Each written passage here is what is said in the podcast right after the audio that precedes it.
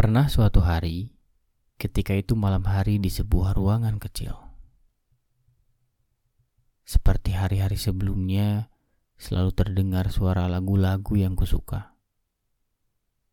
Memang tak cukup keras, tapi cukup untuk mengisi kekosongan.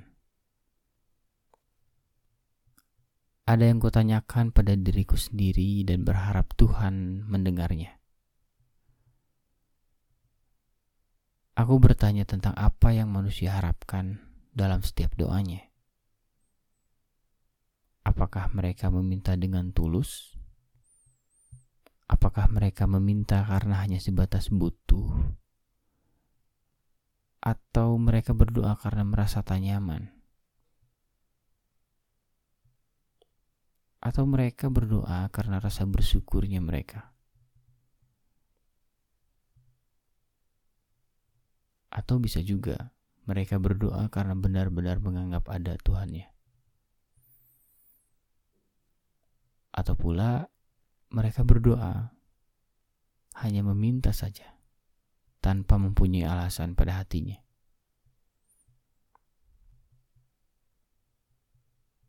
Banyak orang menjadikan doa sebagai cara mereka menyampaikan keinginan mereka pada Tuhannya, menyimpan sebuah harapan pada doanya, dan berharap terkabul dengan segera.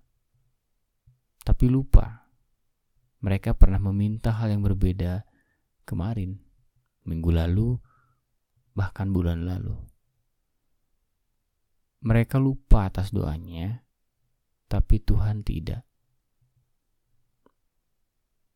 Mereka meminta hal yang sama berulang-ulang, tapi terkadang lupa untuk bersyukur. Aku sendiri merasakannya. Meminta berulang-ulang, tapi lupa bersyukur saat masih bisa bangun pagi dan melihat matahari.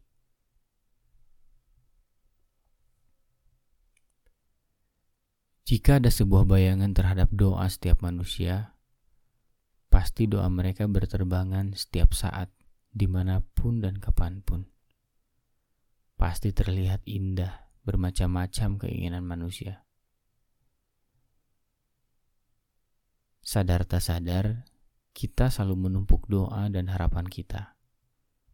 Berulang-ulang tanpa henti, terus berdoa pada Tuhan, meski memang selayaknya seperti itu.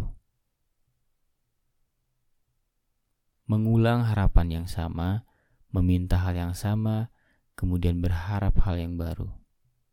Hampir lupa apa yang kita doakan harus kita syukuri, dan apa yang kita harapkan kita tunggu dengan sabar dan berusaha. Jika ada satu waktu, kalian harus bertanya pada Tuhan, "Kenapa doa dan harapan kami belum terkabul?" Tunggulah jawabannya.